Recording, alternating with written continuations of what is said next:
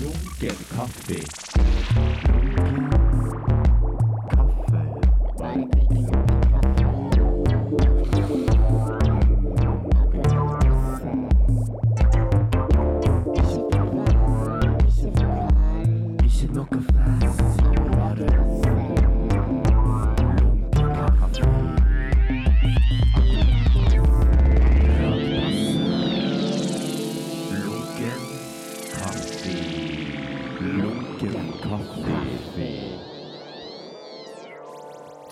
Velkommen til Lunken kaffe. Erik Sæter Jørgensen. Takk. Mm. Fint å være her. Ja, vi er jo i eh, biblioteket til Geir Haraldseth, egentlig. Veldig fint. Jeg har jo ikke sett det her nede før, så det sier jo hvor eh, mye jeg er på kunstsenteret. Ja, jeg tror jeg så at du hadde sånn selvpresentasjon Stemmer. i biblioteket når det var oppe. Mm, det hadde jeg. Det var en interessant eh, presentasjon. okay. Da var jeg i ganske dårlig form. Tid var dette? 2014, tenker jeg. Mm. Da hadde jeg kommet rett på flyet fra Berlin Okay. og ikke sovet eller noe sånt. Oh, shit. Så jeg kom rett fra klubb, hadde vært et sted etterpå. Og så var det bare sånn Ja, flyet går snart, så jeg bør kanskje stikke fra festen nå. Ja. Så gikk jeg rett opp hit og hadde presentasjon. Mm. Gikk ut på Martinique etterpå, og så sov jeg i to dager. liksom. ok, shit. Men eh, jeg tror jo det gikk bra. Ja. Men eh, Du fikk applaus. jeg, jeg fikk applaus. Det var nok noen som var litt, uh, litt forvirra. Fikk du med deg hvor mange som var her? da, eller? Ja, ja. Det var, det var sånn fullt, liksom. Mm. Det var eh, bra måte Og så var det en amerikansk kurator, tror jeg, som var her eh, i forbindelse med en eller annen sånn skriveresidency eller et eller annet. Mm. Sånn at eh, da jeg begynte prestasjonen på norsk, det, så var det sånn Ok, ikke alle snakker norsk, så derfor så var jeg jo da også ekstremt sliten. ja, og eh, hadde presentert ting. Og sånn. Ja. Og så kasta jeg ut ut vinduet, og så gjorde jeg hele greia på engelsk. Så hørte jeg, siden det var under Ja, ja, ja. stilla jeg enda et nivå. Så bare sånn, ok, vekk med de slidesene. Ja, men det må jo bra jobba. Det var en grei, grei presentasjon, det. Sorry, nå har jeg glemt at jeg tok på fly med Otis her. Um, Jeg har bare skrudd av lyden. Jeg vet ikke om det påvirker eh, Om jeg skal sette den i flyet. av og til så kommer det en sånn kaffe. Vi kan jo gå inn på det første faste innslaget. Lunkent bekjentskap. Hvordan kjenner meg og deg hverandre? Hei sann! Hvem er du? En ny venn. Vær hilset, min nye venn. Hvordan kjenner vi to hverandre? Så trivelig med nye bekjentskaper. Gøy. Lunkent bekjentskap. Jeg har egentlig ingen anelse om når vi først traff hverandre. Sånn, eh, Nei. Det er litt sånn mye i kunstverdenen i Stavanger, da. Sånn generelt i Stavanger. At Mm. jeg føler at jeg har liksom visst hvem folk har vært kjempelenge. Ja. Men jeg aner ikke når jeg liksom først traff dem. Jeg tenkte litt på det på forhånd. Ja. Og var sånn, Det er egentlig veldig få mennesker i Stavanger. Jeg kan si at eh, jeg husker når jeg traff dem første gang. Mm. Det jeg tror det var For jeg kom på en måte inn i et kunstmiljø i 2015. Mhm. Da jobbet du i Natt og Dag. Jeg jobbet nok litt, fortsatt litt i Natt og Dag. Ja. Men eh, da hadde jeg sluttet som redaktør. Ok. Fordi eh, jeg flytta til Berlin. Mm. Og det var akkurat rundt den flyttinga til Prosjekter om Nordmanns også. Fordi yeah. at jeg var jo på Prosjekter om Nordmanns i Nordmanns gate. Ja. Og så flyttet vi jo til Erfugata. Så Mm. hadde jeg atelier der og sånne ting. Og var med og arrangerte den første utstillingen. Og så var jeg bare i Berlin. Okay. så det kom aldri tilbake igjen. Og, eh, så det var rundt det. Så jeg tipper sånn 2015 så var rundt da jeg liksom sa fra meg atelieret på Nordmanns. Mm. Og ikke lenger eh, var involvert i driften av det. da. Ja, ja for det, det var det jeg hørte. Og Hansi, han var jo litt fotograf der. Ja, for Hansi jobba jo i Natt og Dag. Ja. Eh, han var jo eh, fast bidragsyter der. Mm. Så han gjorde jeg en del med på, på den tida. Og brukte mye på, ja. på forskjellig. På, Mm. For der, der tror jeg ditt navn dukket opp først. For min del, da. Så var jeg med og tok ned denne utstillingen til Per Dybvik på Kunstmuseet i 2016. Mhm. Og da jobbet du på Galleri Oppdal. Ja, for jeg fotograferte den utstillingen i hvert fall. Det husker Ja. jeg. Og så var det rundt den tida da jeg begynte å snakke med de om å liksom jobbe fast med Mm. Norge. For på den tida så var jeg mest konsulent i London. Bodde og jobbet i London. Okay. Og jobbet eh, blant med ett spesifikt galleri som het PMAM. Mm. Det eksisterer fortsatt, den utstillingen nå. Liksom. Okay. Eh, Men da var jeg liksom fast konsulent der og gjorde events og eh, ja, forskjellige sånn art advisor-ting for de. Ah, ja. Så det var liksom det jeg gjorde da. Det var 2016-versjonen sånn- av deg. Rundt, eh, rundt der. ja, ok.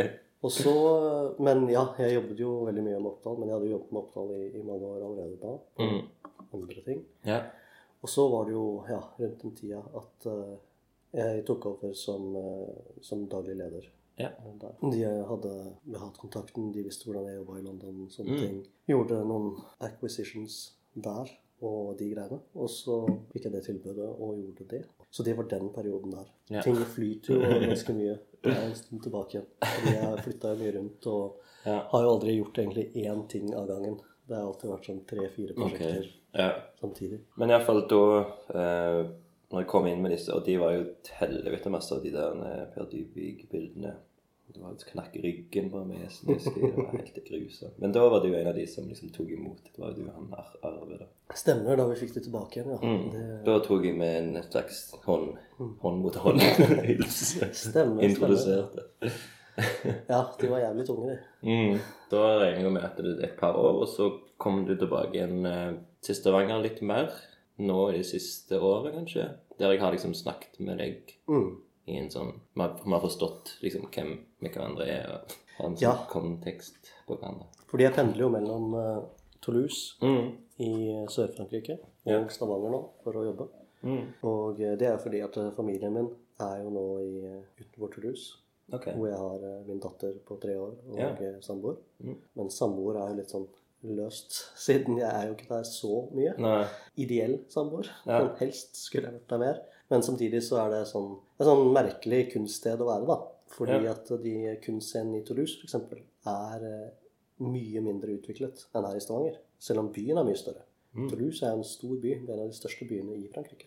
Hvor ligger det i Frankrike? Det ligger på en måte sånn Hvis du eh, vet hvor Nis er ved liksom Middelhavet i øst, og så har du Bordeaux ved Atlanterhavet i vest, Mm. og så ligger Toulouse på en måte midt imellom de i luftlinja. da. Okay. Sånn at eh, det er veldig langt sør, Mm. og jeg er sånn tre og en halv time i bil fra Barcelona. liksom. Så jeg er mye nærmere Barcelona enn jeg er Paris. Liksom. Okay. Mm. Så det er sånn et par timer, så er jeg ved Middelhavet. liksom. Men hvorfor har du valgt den plassen å bo? Har du kjøpt òg? Eier dere sånn? Nei, eh, det er jo veldig tilfeldig. Mm. Fordi at eh, min, eh, min samboer, min partner, hennes familie er derfra. Ja, Så de har, et, de har en stor eiendom der nede. liksom. Ja. Hvor de har et hus, og så Mm. har vi et hus. Og eh, oldemor har et hus på Mm. andre siden av eh, stallen og de områdene der hvor vi har hestene våre. Og så har vi liksom et eh, svømmebasseng i midten av eiendommen hvor familien møtes som, eh, om sommeren. da. Ok. Så de har liksom den greia, greia der. Ja.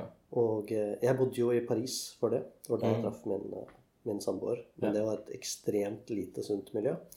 Ja. Så jeg var jo i så utrolig dårlig fysisk og psykisk form da jeg var der, at det var litt sånn jeg måtte komme meg vekk på en eller annen måte. Okay. Og når den muligheten dukket opp, da, Mm. så var det liksom det at jeg måtte bli i Paris, og jeg vet ikke hva som skulle ha skjedd, eller så måtte jeg bare komme meg et annet sted. Ja. Og liksom, siden den gang så er jo par av de jeg bodde med, har tatt selvmord. Okay, Det, er liksom, det miljøet er på en måte borte nå da, i Paris, da, fra de som jeg var med. Fordi eh, Hva var Bodde du i sånn kollektiv? eh, vi hadde et sånn eh, Vi hadde et hus som eh, var rett utenfor bygrensa, en plass som heter Banjolet. Det er en sånn endestasjon på eh, en av de store metrolinjene. Mm. Det er der du har liksom busstasjon og sånne ting. Det er et veldig hva skal jeg si, litt sånn Groruddalen-aktig. Ja. Og eh, vi hadde et hus der som vi delte på i. Hvor kommer det på? Det var en eh, Hallo? Hei. Hei! Ja vel. Vil du være med i podkast? Nå er du Vi live. har stengt her for sommeren. Ja, det er litt sant. Hva er dere holder på med? Å ja. Det er lunken kaffe. Lunken kaffe, ja. Mm. Akkurat. Ja. Kort gjesteopptreden av Tove ja. Her, hvor var jeg? Jo, eh, Paris. Mm. Jo, så vi hadde et, eh, et hus da, der, som var et ganske sånn jævlig hus. Men eh, veldig billig da, å bo. Og så var det liksom noen par og sånn som hadde et rom hver, på en måte. Og så hadde vi fester og arrangementer og sånn. Og uh, veldig mange av de var jo involvert i uh, ACT UP, som var den organisasjonen som ble startet for å øke bevissthet rundt hiv-positive og aids. Okay. Den er vel fra New York på sånn tidlig 80-tall, sen 70-tall. Keith Haring for eksempel, var han som designet det rosa triangelet som de bruker. Og de eh, slagordene som er 'silence equals death' og de tingene der. Så det var eh, mye aktivisme og de tingene. Det var liksom et hus med all den livsstilen som tilhører, tilhører det, med sexarbeidere og narkotika og Ok. alt det der. Så ikke en veldig hel, hel, sunn plass å være. Så jeg var jo der en stund, men eh, det var jo på en måte ikke så Ikke noe sånn særlig framtid i å bli der. Så derfor var det sånn ok, da jeg traff hun som bodde på bygda utenfor mm. Toulouse, Ja. så var det så langt vekk fra der jeg kunne komme. da.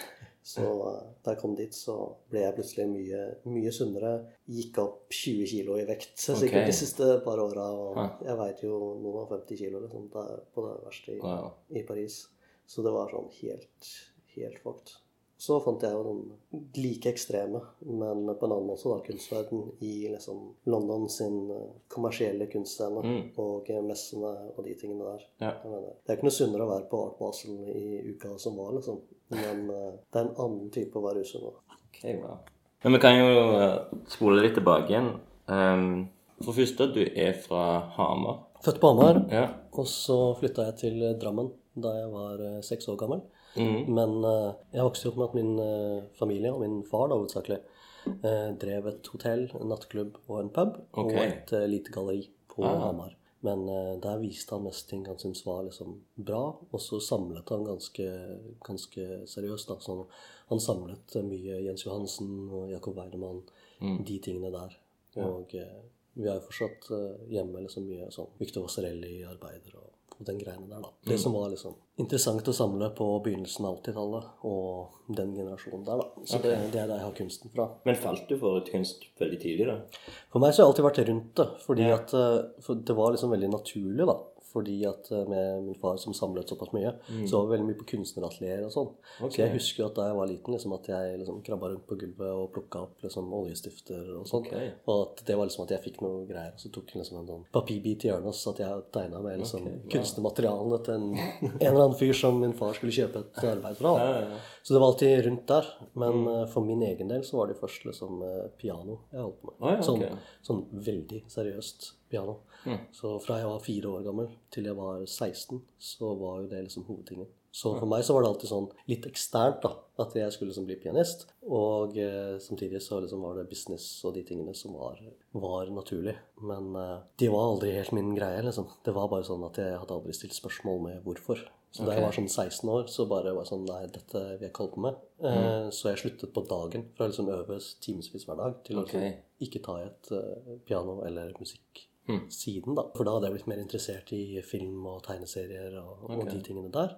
Så begynte jeg å være journalist i Drammens Tidende som 16-åring Å, ja. og skrive om film. Så jeg endte opp jo med å, at jeg måtte liksom skulke skolen til å begynne med for å gå på pressevisninger av filmer. da. Okay. Og så etter hvert så, fikk, så sa liksom læreren sånn Bare si fra på forhånd, så bare så driter vi liksom, da bare skriver vi ikke opp fraværet ditt, da.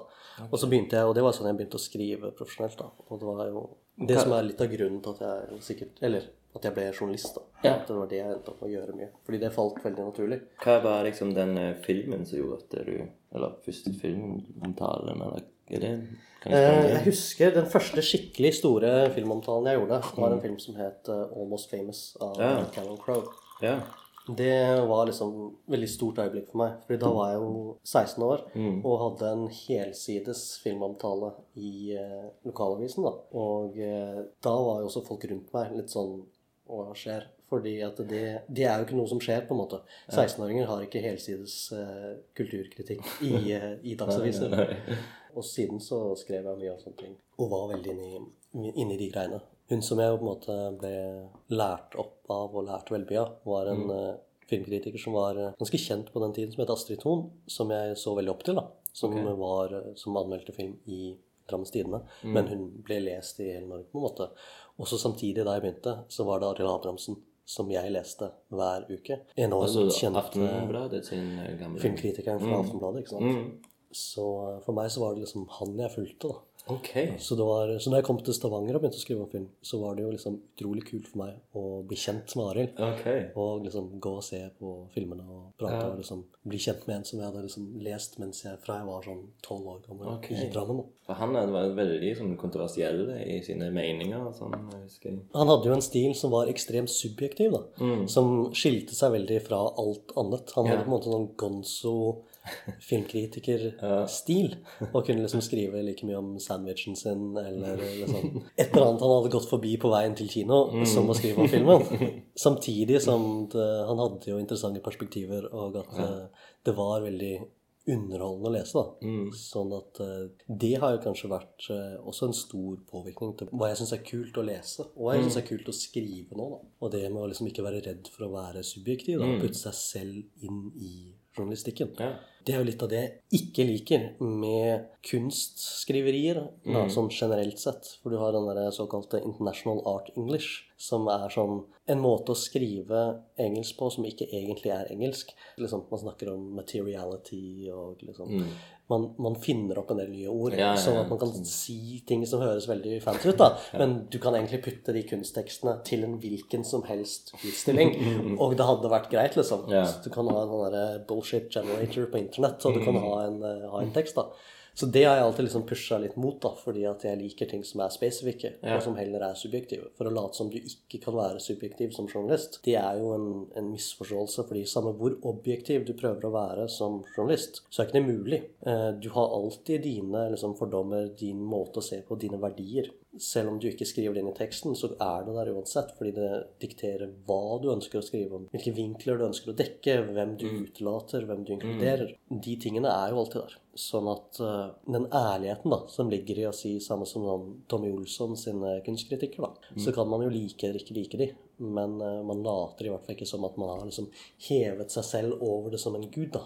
At Hvis du er inni det, og så skriver det fra ditt perspektiv, så er det mye enklere også da å forstå at liksom, det er hans mening, eller det kan være hans funderte mening. Ja. Han kan ha veldig mye som ligger i bånn for det, et helt liv som hvorfor han tenker sånn som han gjør. Okay. Men det er ikke en sånn endelig dom over kvaliteten på et verk. Eller sånn, fordi det, er, det tror ikke jeg egentlig er mulig. da. Men har du skrevet noen kunstkritikk? Har vel ikke egentlig skrevet noen kunstkritikker, fordi at jeg, da jeg var i Natt og Dag, så mm hadde vi ikke egentlig kritikk. Vi hadde omtaler Ja. av ting og de tingene. Og det skrev jeg det meste selv, men så ga jeg noe vel til frilansere som jeg kunne, da. Og det var jo da jeg merket hvor vanskelig det var å finne folk til å skrive om kunst i Stavanger-regionen. da. Fordi at jeg letet i flere år på en måte etter noen som ville skrive dem. Okay. Fordi at uh, på det tidspunktet så var jeg også så involvert i prosjektet om Normans som kokurator og en som hadde atelier der. liksom yeah. Veldig involvert i driften. Sånn at det skulle være med å drive et visningsrom samtidig som jeg skrev kritikker. Mm. Ja, det Det, det er jo ikke så lett. Ja, det der. Lunken kaffe.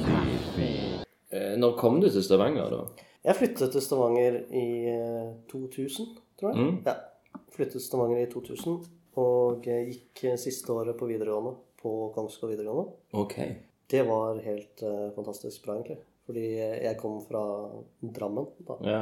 Som eh, på den tida, og nå vet jeg ikke, men på den tida så var Drammen helt grusomt. Da jeg gikk på ungdomsskolen, liksom, så hadde vi jo politi hver eneste dag. Okay. Det var liksom våpen og narkotika okay, i klasserommet. Folk ble henta ut av liksom, klasserommet og sånn. Mm. Konstant. Det var en forside på avisa liksom, med at de vurderte å etablere politikammer i eh, kjelleren på skolen vår. da, Fordi at eh, det var så mye som skjedde der. liksom. Og eh, det var samtidig som eh, Var det Bandidos eller Hells Angels? Uh, uansett, en av deres sitt bygg, det var vel Bandidos, tror jeg, var som var det, ble jo sprengt i Drammen. I Drammen? Uh, og, I 99? Ja. Ja. Og det bygget var jo eh, rett ved siden av min videregående skole. Så det var jeg som ble drept der, og, og de Ok. greiene. Så det var liksom Drammen på slutten av 90-tallet. da. Mm. Bare gjenger. Alle ble definert som liksom, de var gjenger. Etterpå så fant jeg ut at eh, liksom, de hadde definert liksom, mine venner også som en gjeng. Utelukkende fordi at vi var liksom de som ikke tilhørte liksom, om det var uh, albanere eller tyrkere. Så Drammen var en helt ekstrem by på, på den tiden. Men var det grunnen til du flytta? Nei, det var, ingenting eh, med det i det hele tatt. Ja. vi vi flyttet hit fordi min far begynte å jobbe på det som jo nå er universitetet. Mm. Og eh, da flyttet familien for, eh, på grunn av det. Mm. Men eh, jeg er jo liksom veldig glad for at jeg dro fra Drammen på Ja. den tiden. Fordi at det var ikke noen, det var ikke et bra sted å være. Men da jeg kom til Stavanger, da, så var det jo å begynne å gå på Kongsgård, som er på en måte så langt vekk fra Ja, alt ja, du kan tenke deg, da. Så tok det meg en, en del tid før jeg liksom forsto at å ja, liksom du sjekker ikke at noen ikke liksom følger etter deg hvis du skal inn et sted hvor du er alene. Mm. Det er ikke alle på skolen som går med kniv. og det, er ikke, det er ikke livsfare uansett hvor du går. liksom.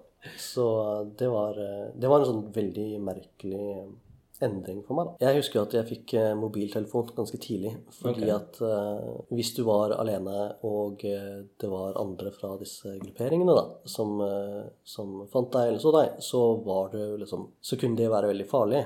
Jeg husker det var Der også så var det folk som tok livet av seg fordi at eh, de hadde blitt Det var en som hoppa fra et tak fordi han hadde blitt liksom innestengt av en annen gjeng som gikk på skolen. Eh, Ja, ok. Som da valgte å hoppe fra et tak uh, ute i trafikken liksom, for å unngå de. Ja, ja. Sånne ting. Så det var jo da et intenst miljø, uansett hva du skulle gjøre. Fordi at uh, det var så involvert da, at eh, bare å eksistere i de miljøene Så liksom, du måtte jo ta bussen med, med disse folka. Du liksom Alle rundt deg hadde en eller annen tilknytning til, til noe.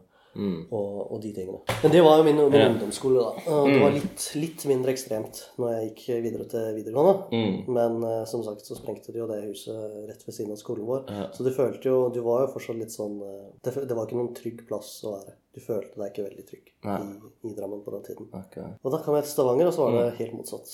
Og det var jo veldig fint. Fordi, Ja, trygt og godt. eh. Drammen er jo en veldig stygg by. Eller den var en veldig stygg by. Drammen har blitt finere i det siste. Har det, ja. på i hvert fall. Okay. De har bygget om veldig mye og gjort om veldig mye.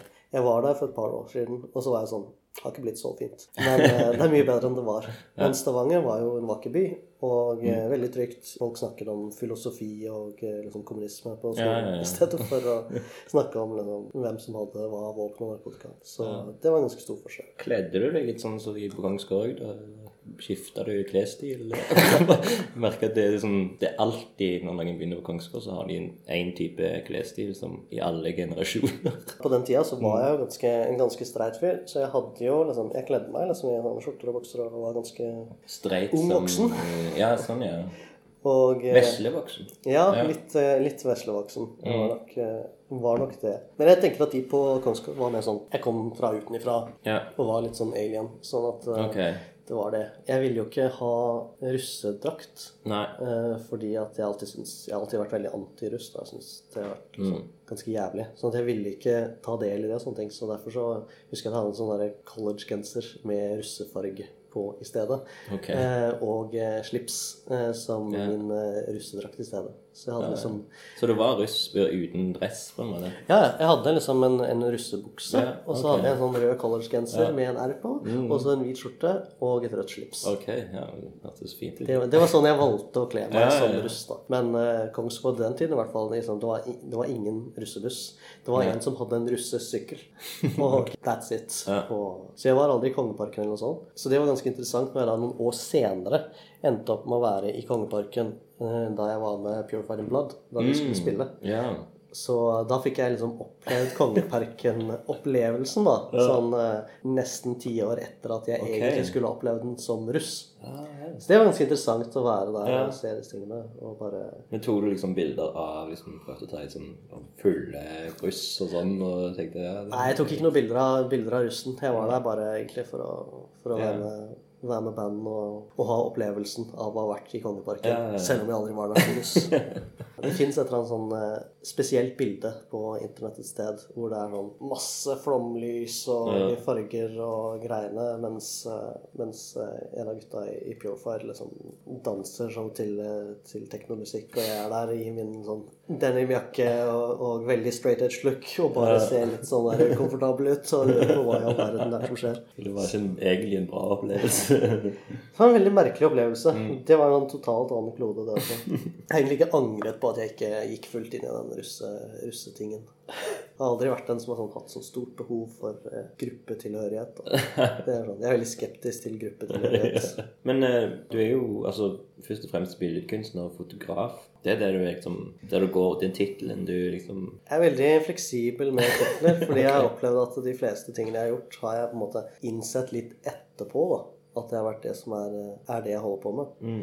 Fordi, eh, ikke sant, jeg var journalist, og på den tida så hadde jeg jo egentlig ambisjoner om å innenfor litteratur. Ja. Da jeg gikk på Kongsgård, og tiden etter det, så var det jo liksom forfatter jeg ville okay. bli. Mm.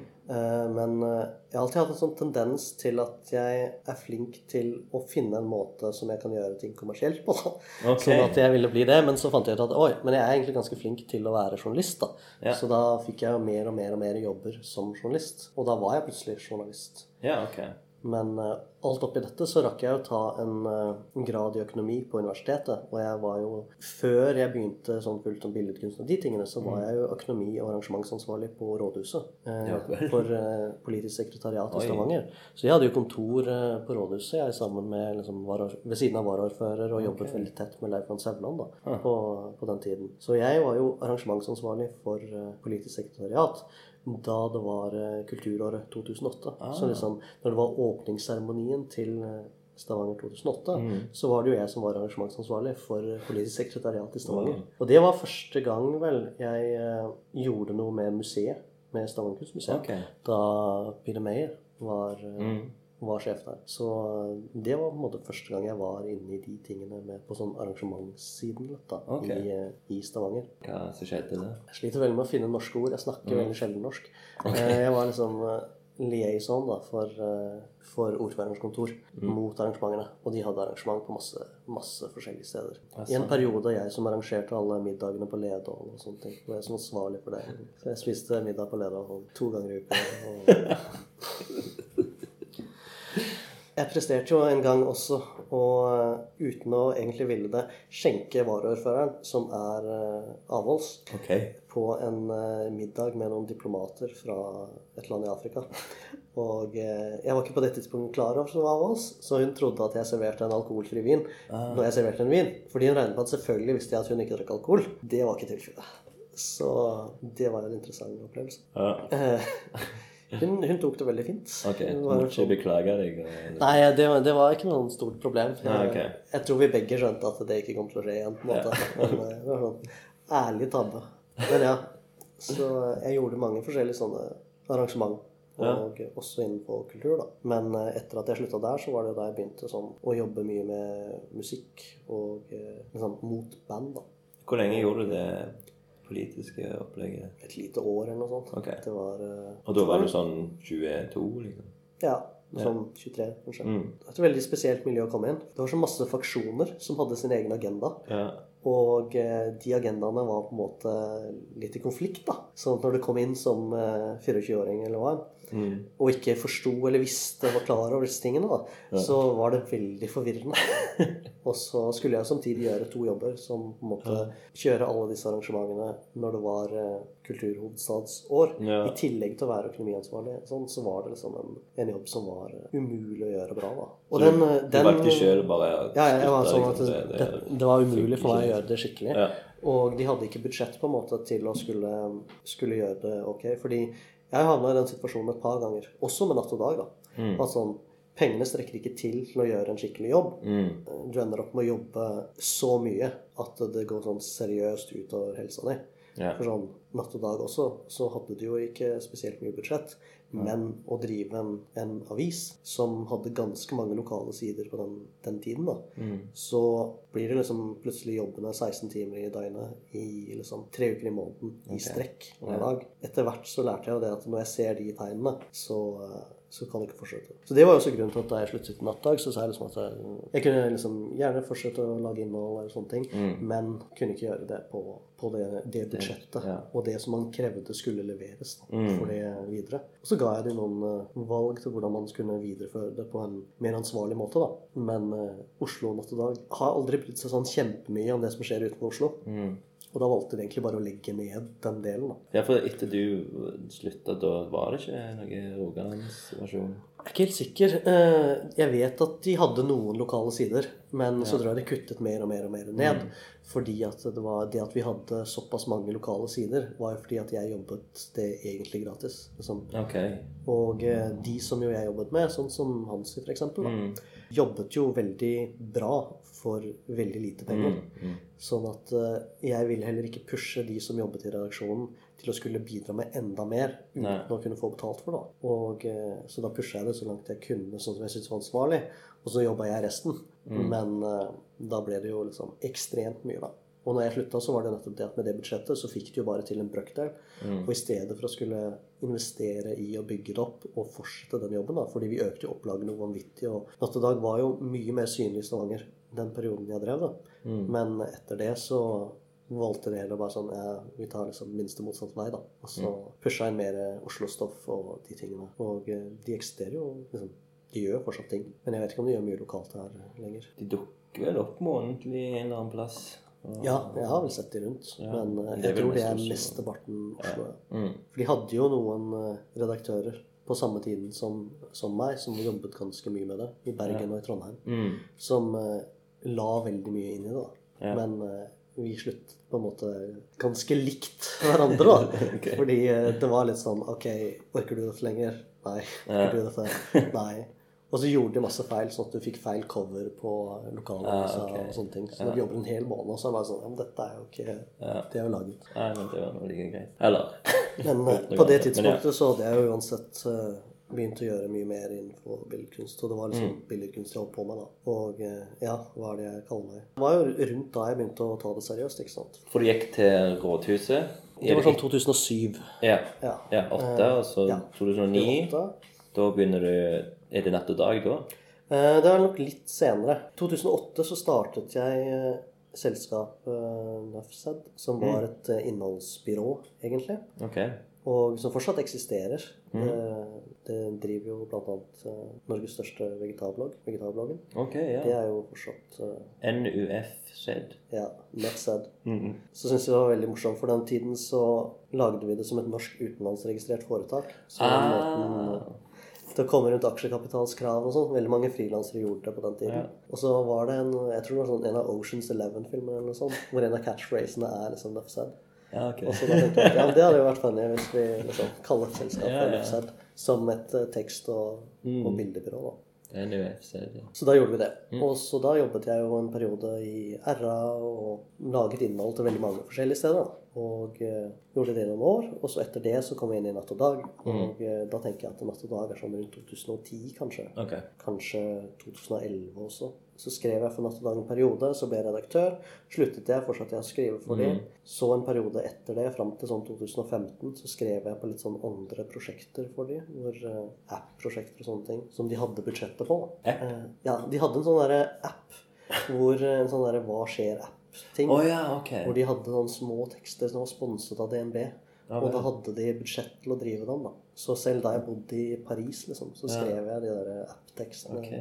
og det var hovedsaken det jeg holdt på med. da. Og andre tekster, da. Men det var det som jeg sånn tjente pengene på på den tiden. på en måte. Men så mista de det budsjettet også, og Mm. da var det sånn Ok, jeg gidder ikke. Fordi Natt og Dag på den tiden, eh, de betalte jo eh, 1000 kroner for en, eh, for en sånn stor sak i avisen. Betalte liksom 1000 kroner for tekst, 1000 kroner okay. For foto. Ja. Og etter det så ville de jo gå ned i betalingen på det. Da sa jeg altså at eh, jeg kan ikke tilby det til de frilanserne jeg har funnet til redaksjonen. Fordi 1000 kroner var allerede lite. Ja. Og hvis du skal ha mindre enn 1000 kroner Mm. for å skrive en helsides sak, så Ja. det, det er en vits. Liksom. Det, og på den tida så gjorde jeg da mange utstillinger og gjorde en del. Og da et bilde jeg tok i, under et prosjekt med Pure in Blood, Mm. eh, ble jo vist på Høstutstillingen. Og så, Dette var i 2011. 11, kanskje. Ja. Og, sånn, ja. og så gjorde jeg et prosjekt på Kabuso i Øystese, som var i forbindelse med utbyggingen av kraftlinjene i Hardanger. Hvor jeg var med de aktivistene som eh, gikk på fjellet og prøvde å stoppe denne utbyggingen. Da. Okay. Som en dokumentar? eh, Som et slags eh, dokumentarprosjekt, ja. Mm. Så, så gikk vi opp til disse stedene, og så var jeg mye med de som, også som aktivist. Liksom, Mm. Vi bodde jo på fjellet fordi når vi okkuperte de stedene, så kunne de ikke bygge der. Fordi Mm. de valgte da at hvis det var demonstranter, så bare trakk de seg vekk. Da. Det var det som var beskjeden. Ja. Sånn at uh, Siste gang jeg var der oppe i forbindelse med det prosjektet, så var det sånn et av de siste prosjektene der hvor vi hadde liksom eh, politihelikoptre som var over oss og de tingene. Og så bare stakk videre. Og så stakk vi ned igjen av fjellet for å okkupere en annen plass. Og med en gang vi dukket opp, så bare gikk alle arbeiderne vekk. Og eh, bare stakk hjem. Og politiet var sånn Nei, vi gidder ikke. Men dette ble jo laget en eh, dokumentarfilm om, som vel heter hva er nå? 'Kampen om Hardanger'. Eh, Som har gått på NRK og sånne Ja, ja. ting. Og det var jo mye bilder, sånn pressebilder som folk så i media, bl.a. av disse kvinnene fra Hardanger som hadde på seg full eh, bunad. Som eh, okkuperte disse arbeidskonteinerne og sånne ting, og ble bæret, båret vekk av politiet. da. Det var vel først sånn i fjor at det, sånn, rettsprosessen rundt de sakene med sivil ulydighet ble, ble ferdige. da. Ah, shit. Så det var en ganske intens greie. Fordi eh, det var et ganske fæl ting egentlig med disse mastene som ble satt opp. eh, hvor eh, det var så mye uærlighet i det som ble kommunisert ut, og hvor mye det ødela av naturen. da, Og liksom bygge høyspentmaster over eh, steder hvor det høyst sannsynligvis var liksom gamle vikinggraver og en natur da som ikke har blitt rørt på liksom tusenvis av år, og som har liksom noen av de eldste sporene av, både bosettinger og av fauna Ok. i Norge. Liksom. Det prosjektet vistes da på Capuso, og uh, har gjort noen prosjekter siden andre steder også. Ja. Men uh, det var på et sånt tidspunkt hvor etter hvert at jeg liksom følte at jeg hadde gjort ganske mye i Stavanger, Mm. og hadde fått litt nok av Stavanger. Mm. Det var liksom ikke en god match for meg lenger. Ok. Og det var da jeg flyttet til Berlin. Fordi jeg hadde fått eh, Stavanger kommune sin kunstnerleilighet i Berlin. Og så var jeg der sånn Det var sånn første gang jeg hadde bodd i Berlin. Yeah. Og etter det så var jeg sånn eh, Jeg må liksom komme komme meg ut, så jeg ville stikke til, stikke til Berlin, da. Mm. Så da flyttet jeg dit på en måte sånn fast. Men eh, å flytte til Berlin når du er litt sånn Ikke i den beste state of mind, er ikke nødvendigvis sånn den sunneste tingen du kan gjøre, da. Så det var jo tiden hvor ikke sant, at, det da liksom, at jeg brøt med straight edge. At jeg var liksom på klubber som KitKat og Fikken og Berghain liksom hver eneste uke. Mange dager. Og resten av dagene sov jeg. eller sånn. Ja. Da ble det jo liksom mer og mer intenst på den livsstilen. ja. Men du hadde vært straight edge hvor lenge? Altså Veldig lenge. Ja. Sånn, egentlig sånn Du kan ikke være straight edge når du er ti, på en måte. Men eh, jeg hadde aldri jeg hadde liksom, Og det kom jo litt også av de tingene med at jeg, sant, jeg vokste opp på, på bar og nattklubb og, og de tingene, hvor det var veldig mye ekstreme ting. da. Sånn, Jeg så jo ikke kids da jeg var liten. liksom. Mine venner var eh, 40 år gamle alkoholikere og eh, hjemvendte FN-soldater. Mm. Det var liksom det som var eh, det miljøet som jeg var rundt. da. Ja. Og eh, når du ser konsekvensene av, eh, av rusbruk så mye fra du er så liten, så går du gjerne den andre veien. da. Og det var det jeg gjorde. sånn at jeg, liksom, jeg holdt meg langt unna de tingene. Og da jeg ble klar over edge og, og de tingene senere, da, så var det en liksom veldig naturlig, naturlig ting for meg. ja. Og holdt det, holdt det ganske lenge. da. Mm. Og uh, på det tidspunktet også gikk jeg over til å bli vegan straight edge. Mm. Når jeg ble mer klar over det og, og ble veganer på den, på den samme tiden. da. Mm. Og så flyttet jeg til Berlin og var fortsatt veganer, men edgen gikk eh, til helvete. ja. Mm. Det gikk veldig motsatt retning, da. Og så var det jo etter det at jeg liksom fant ut at det miljøet i Berlin var kanskje heller ikke så sunt. Og så flytta jeg til Paris, og så havna jeg til litt, litt tilsvarende miljø, bare på et annet språk. ja. Og så, ja Jeg holdt på en måte alltid den profesjonelle biten av det jeg jobbet også innenfor billedkunst, veldig seriøst og profesjonelt. da. Jeg har aldri ikke gjort en jobb fordi at jeg har vært ute og festa. Men det det gikk utover mer av, var jo da liksom konsistensen. Ja, no, consistency. I eh, arbeidet som eh, billedkunstner, da. Og å skape verk, da. At det ble mer eh, uforutsigbart. Og eh, samtidig så ble, det, så ble det vanskelig for meg å finne utstillingsmuligheter for meg selv. Mm. Og eh, jeg viste jo eh, noen ting. Eh, Så viste jeg jo noen av disse tingene fra Berlin og Paris på Kunstgalleriet her i eh, Stavanger. Og så den siste utstillingen jeg har gjort, var på Kunstnerens hus i Oslo. På One Night Only Gallery.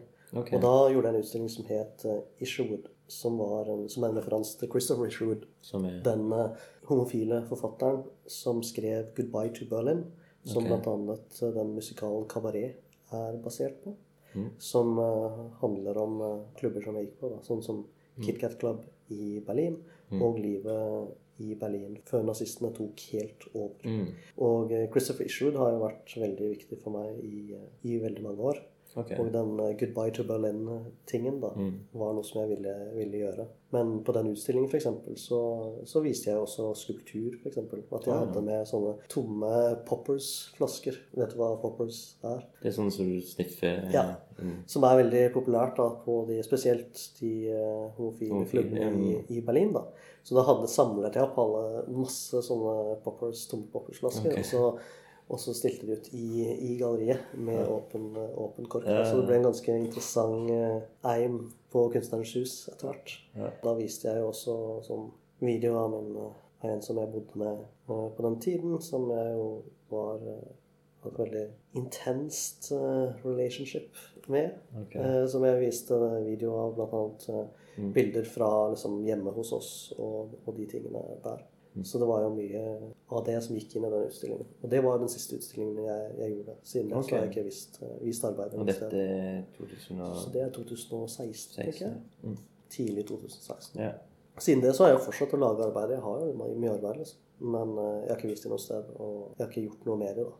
Men jeg sitter jo på liksom, mapper på mapper med negativer, f.eks., som aldri har blitt okay. skannet. Ja, ja. Jeg har jo liksom fortsatt å lage ting, men eh, det ligger bare i mapper, så jeg bare fyller opp mappene Ok. med, Men har du et slags atelier liksom, der i Ikke egentlig. Jeg har jo, okay. eh, Vi har jo veldig god plass. Ja. Mm. Sånn at eh, det er jo mye som kan brukes som det. liksom. Mm. Det står ikke på, på plassen nede i Frankrike. Vi bor jo tross alt midt på bygda. Vi er liksom omgitt av vingårder og ingenting annet. Ja. Men eh, jeg har ikke gjort noe med de, fordi jeg har jobbet med andre ting. ikke sant? Ja. Når jeg gled inn i det sånn, kommersielle kunstmiljøet i London da, spesielt, Mm. Så innser jeg på en måte at det- er sykt vanskelig å pushe deg selv som kunstner hvis det kjennes ut som at du må pushe det litt sånn uphill. Mm. Men uh, å jobbe på andres vegne kan være mye enklere. da. Det er mer troverdig gjerne liksom, hvis jeg sier at uh, han kunstneren her, disse arbeidene Hvis Ja. vi liksom pakker det på denne måten og presenterer det slik, så er det interessant, og det bør du liksom se på. Og liksom, liksom stopp, og så se på disse tingene for det er jævlig bra. Hvis du skal gjøre litt det samme med dine egne arbeider, så virker du bare litt ufyselig. Det er, liksom, det er veldig vanskelig. Liksom. Folk må nesten komme til deg Ja. eh, som kunstner og si at de vil arbeide med deg, at de vil gjøre noe Mm. det er, hvis du er veldig pushy som, som billedkunstner, så funker det jo veldig dårlig. Ja. Og dess høyere du opp du kommer i eh, hierarkiet, Mm. dess mer er det sånn. Liksom. Så da fant jeg ut at det var på en måte veldig naturlig for meg. da. For jeg har sånn, sant, jeg har et veldig all-round skillset på den måten. Mm. Jeg kan skrive, jeg kan ta bilder, jeg kan gjøre arrangementer. Mm. Jeg, kan, eh, jeg har ikke sant, økonomibakgrunn og sånne ting, så jeg kan se på, på måte, Mm. kontrakter og regnskaper at ting er i orden. Jeg kan liksom sjekke at Jeg kan gjøre veldig mye av de der supportfunksjonene. da. Og eh, derfor så var de tingene med å liksom forhandle med, med samlere, stå for bevertning, ta dem med rundt, liksom være litt sånn guide og concierge og liksom Som du jobber sånn som er du jobber med samlere da, i utlandet, stort sett. At sant, du tar dem til middag, og du forsiktig prøver å finne ut hva de liker, så tar du med til gallerier, anbefaler hva de skal kjøpe, hva, de skal, liksom, Mm. hva som kan være en god investering, hva som kan være liksom, noe de ikke har tenkt på. Mm. De tingene var mye enklere og mye mer naturlig. Da. Så da ble det bare at jeg gjorde mer og mer og mer av de tingene. Da, Ja. da sånn uten at jeg visste det, så ble det da at jeg ble mye mindre kunstner selv. Ja. Og ble jeg jo kjent liksom, I London så kjenner jo alle meg som en, som en art advisor. Mm. Mm. En fyr som du kan spørre hvis du vil ha tak i et, eh, et spesielt kunstverk, eller hvis du vil selge et spesielt kunstverk, eller hvis det er noen som sitter på noe, eller hva noe kan være verdt, eller ja, alle de greiene der, da. Og da hvis du selger ting, så får du jo en kommisjon på det, ikke sant. Og Ja. eh, det kan jo være ganske greit. Det, du tjener plutselig mye mer penger på å selge andre sine kunstverk ja. Enn din dine egne. Samtidig som folk er veldig takknemlige for din hjelp, og de liksom gjerne kan betale festen og middagen og reisene i tillegg. Så da er det jo lett å tenke at sånn, ja, det er ganske komfortabelt. Det kan være ganske kjekt. Ja. Det man jo kaller kunstkonsulent i Norge, er jo veldig annerledes fra det som er realiteten som hvis du snakker om en advisor i utlandet. Mm. Ja, for hva er en kunstkonsulent i Norge? Nei, Det opplever jeg er stort sett det som er involvert med, med Koro og eh, Mm. offentlige utsmykninger. En mer sånn prosjektkoordinator, på en måte. da. Mm. At det er en, mer en sånn kombinasjon av å være kurator og koordinator. Ja. Mens i utlandet, hvis du sier advisor, så er det mer en, en person som rådgir samlere om hva de skal kjøpe. Ja. Og eh, kan skaffe de verk, tilgang til verk som de kanskje ikke har direkte tilgang til selv. Ikke sant? Si at Hvis du er en ny samler, så kan du ikke bare gå til et hvilket som helst galleri og kjøpe de mest ettertraktede verkene. Mm. Du må jo bli godkjent av galleriene. Kunstneren må synes at du er ok. Mm. De tingene der. Men hvis du har en advisor som de stoler på, så kan du plutselig hoppe fram i køen og få lov til å kjøpe det kule verket som du ellers ikke hadde fått lov til å kjøpe. Ok, det Og at de kan gå god for deg, f.eks. at du ikke skal flippe deg på auksjon liksom, Ja. året etter. Ja. Sånne ting. Og hvis du er en fersk eh, fyr da, som har masse penger, men ingen kredibilitet i kunstverden, så er det jo da vanlig å gå via en advisor. Mm. Fordi at da kan du plutselig få innpass i miljøet da, på en helt annen måte. Ah. Og også da på messene f.eks. så er det jo veldig vanlig nå at, man, at samlere går rundt på messene med sin konsulent da, Mm. og får liksom bakgrunnsinfo, hvem som representerer de, liksom hvordan informasjon om disse verkene, hva som er representative verk som kan være mer interessante å hente til samlinger og ikke, hvem som antageligvis er overpriset, hvem som er på vei opp, hvem som har liksom blitt oversaturert. Eller forteller de at liksom, jo, det verket har det liksom, gir deg en veldig god pris på nå, men det er fordi at de har prøvd å selge det i fire måneder og har tilbudt det til liksom 100 mann. Eh, sånn at eh, det er på en måte burn. da. At du kan advare folk mot de tingene. da. Hvis man ser på kunst som investering. Ja, Det er jo stort sett det. Men er ikke det litt vanskelig å holde styr på det, alle disse her Kjempevanskelig. Som jeg sier, du kan sammenligne litt med den der på en Mm. måte. da.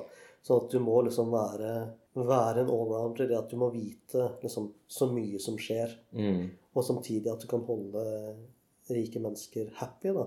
Mm. Eh, Men ikke være liksom La de kjøre over deg. liksom De må respektere deg samtidig Ja, ja. som at du gir de gode råd.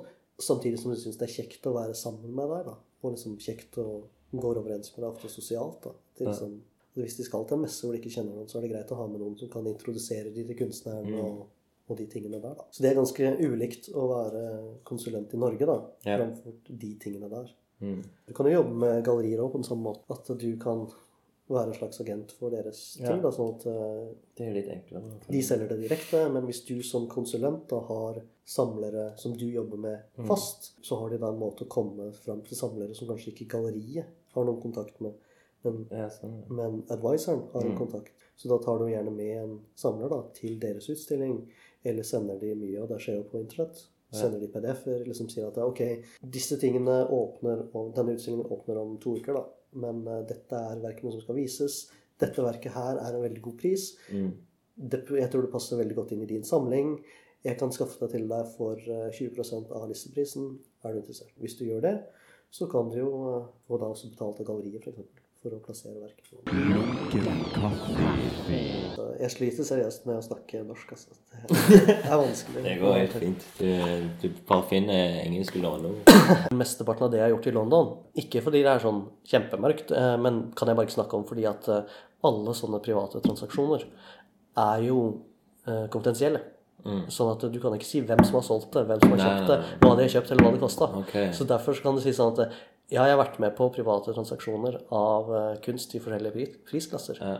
Men så kan du ikke si noe mer. Men du, du, du gjør alt lovlig, på en måte. Det er liksom Ja, ja, ja, jeg gjør alt lovlig. Og, eh, og det har vært alltid sykt viktig for meg Ja. også. Fordi at jeg har vært eh, liksom, jeg har sett så mye av de andre tingene. Sånn at for meg så er det nettopp det at, at alt skal være lovlig. Det er veldig viktig. Og at jeg, liksom, at jeg holder, holder det jeg lover. At jeg liksom, når jeg jobber profesjonelt, at jeg ikke sant, alltid er ærlig om priser og sånne ting. At jeg ikke tar betalt fra begge sider av bordet om de ikke vet om det.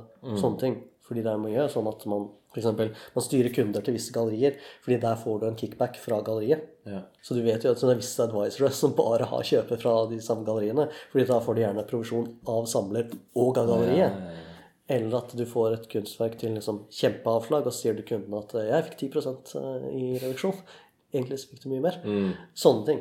Og Ja. det har jeg jo ingen interesse av å, av å holde på med. da. Så derfor så er det ja, mye sånne etiske ting som er ganske tricky. Men mesteparten av disse transaksjonene er jo rett og slett bare at eh, Som sagt, det er lovlig. Eh, kunst, Samtidskunst er jo, de, er jo et av de største uregulerte markedene i verden. Altså hvor du omsetter for mest penger uten at det er regulert. Det er grunnen til at du ser sånn som at når dette Leonardo da Vinci, eh, Salvator Mundi, dette bildet som ble solgt på auksjon for for et par år siden, vel. For sånn mange hundre millioner. Nå snakker man om at det ikke er en, var en ekte Da Vinci. Det er veldig mye kontrovers rundt det. Eh, og det visste alle som var involvert i bransjen, har visst Da det opprinnelig ble funnet, før det ble restaurert, så var det jo i flere deler. Eh, maleriet var jo i mange deler. Og eh, du kunne nesten ikke se hva det var. Sånn at når det ble solgt under liksom, contemporary-delen av auksjonen, så spøkte jo eh, de i bransjen om at eh, jo, men det er jo helt greit, fordi eh, dette bildet er jo egentlig helt nymalt. Sånne ting. Fordi da kan du også da overføre sant, verdier for hundrevis av millioner mellom veldig rike mennesker. Eh, som en slags hvitvasking eller som en skjule andre måte overføringer. Fordi at du kan ikke si at bildet er verdt et objektiv sum. Det er verdt hva noen vil betale for. Ja. Så hvis du da trenger å overføre penger, vel, så er det veldig greit å kjøpe ekstremt dyr kunst. Og hvis du da samtidig lagrer det i en såkalt freeport, så slipper du å skatte av det. Fordi du har ikke egentlig liksom tatt eierskap til det. Så da kan det sitte der i evig tid, og så kan du selge det igjen uten som har tatt det ut. Okay. Og da slipper du å liksom skatte av det og sånt. Så det er mange ting som er der. Derfor har jeg sagt kunstmarkedet er interessant, fordi hvis det hadde vært uh, aksjer vi snakker om, så er det veldig mye lovgivning. Veldig mye du ikke har lov til å gjøre. Du har visse opplysningsplikter hvis du er et offentlig selskap. Du må jo publisere visse tall og sånne ting. Eh, sånn at folk kan liksom sjekke hva det er som skjer. I kunstbransjen så er det ingen sånne lover. Det er private objekt som du har lov til å selge for den prisen du vil.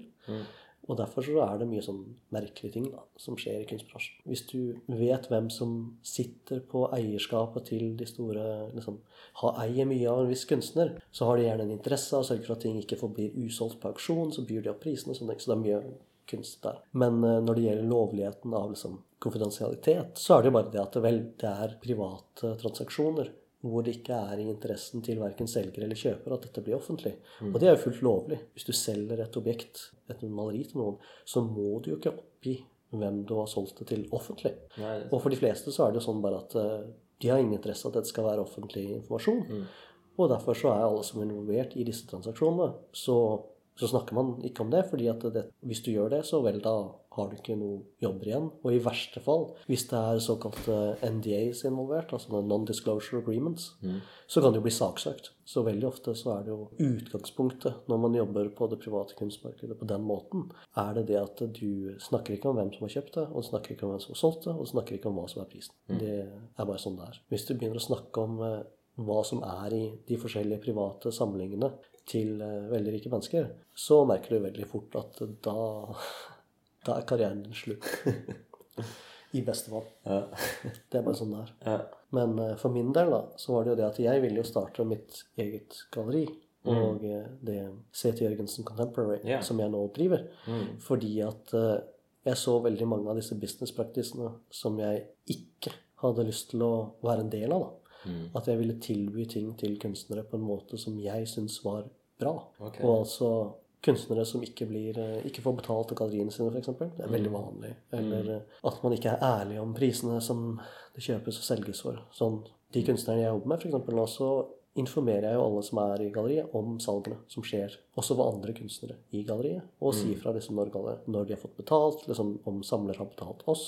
De tingene for at de skal vite hva som skjer, da. Og vite de tingene. Og også da at eh, hvis du i Norge er i det såkalte emerging-markedet, altså kunstnere som eh, da? ja, du kan jo ha det som en uh, oversettelse. Emerging er på en måte en kategori innenfor uh, Ok, ja Mm. Så emerging betyr noe spesifikt. på en måte. Ja. Og uh, med der, så i Norge, så er det sånn at du gjerne kommer ut av akademiet, eller du begynner å vise på prosjektrom og mindre gallerier, Mm. og så blir du på en måte på det nivået, eller så blir du plukket opp av et av disse store galleriene i Norge, eller så må du flytte ut og da satse på å bli plukket opp i et av de større galleriene i utlandet. Og da kan det jo komme til noen sånne mellomklassegallerier som kan gjøre veldig mye for karrieren din. Og eh, hvis du skal eh, ha de største ambisjonene som finnes, så er jo målet til de fleste kunstnere å ende opp på et av de såkalte megagalleriene, sånn som ikke sant, Gagosian eller David Sperner, eller, litt mindre gallerier som Marion Goodman eller Pace eller noe sånt. Men eh, i Norge så har man jo på en måte enda mindre av det, de stoppestedene på veien, da. Sånn at her, så hvis du er representert av et etablert godt kommersielt galleri, så er det jo kjempebra. Da får du jo masse, masse støtte, og du kan gjøre kule utstillinger, og du selger jo gjerne nok til å leve greit av det, og, og betale for din produksjon, da. Som jo er det man kan be om, på en måte. Men uh, hvis du er emerging, så trenger du gjerne mer støtte og mer råd, spesielt eh, når det kommer til den kommersielle delen, og hvordan man skal gjerne gjøre produksjon på en mest effektiv måte, hvordan man kan selge litt her og der for å betale for produksjon av de arbeidene og de prosjektene man ønsker å gjennomføre. Men hvis du stiller ut på prosjektrom, så representerer jo ikke de kunstnere. Og eh, da har du liksom bare støtten rundt den utstillingen, og så er det slutt. Så derfor så ønsker jeg å velge å representere kunstnere, selv om jeg driver det som et ikke-kommersielt galleri. Sånn, Jeg har ingen ønske om å konkurrere med store kommersielle gallerier. Ideelt sett for meg så bygger jeg opp eh, og hjelper å bygge opp karrierene til folk som er emerging eller underrepresentert da, på andre måter. Det er jo ikke sånn at du trenger å være kjempeung. Det fins jo kunstnere som er 70, og som eh, har vært underrepresentert, underrepresentert, og som får en karriere når de blir eh, enda eldre. Om det er Lee Krasner eller eh, Louis Bourgeois. Ja, det er mange, mange som har hatt den retningen som eh, voksne, da. Men hvis du ikke representerer kunstnerne, så er det en sånn endedato da, på samarbeidet. Og jeg har sett hvor verdifullt det er for kunstnere å ha støttespillere som er der over lengre tid, da. Og som kan tilby de støttefunksjonene som de større galleriene kan bidra med, uten at man nødvendigvis eh, har alle de samme ressursene. Men du kan i hvert fall få rådgivning, sånn hjelpe med løse, kjedelige ting rundt produksjon. Kan hjelpe med noe finansiering. Og eh, ja, gjøre alle de tingene som i Norge spesielt kan være veldig vanskelig å få tilgang til som eh, en emerging kunstner. Da. Så det har vært ideen der. Men eh, hvis min galleridrift kan betale for seg selv og bidra til at noen kunstnere som gjerne ellers ikke har fått den muligheten, da, kan utvikle seg til å bli representert på et, eh, et stort, etablert galleri, så er det det ideelle, som jeg ser. At eh, Så du liksom, på- vil du ha liksom en slags mellomstasjon? ja, en slags eh, inkubator med det. Så gjør jeg jo andre ting på, på siden, ikke sant, også for det. Sånn som at jeg fortsatt en dag i dag, så gjør jeg jo konsulentvirksomhet for andre kunstnere, gallerier.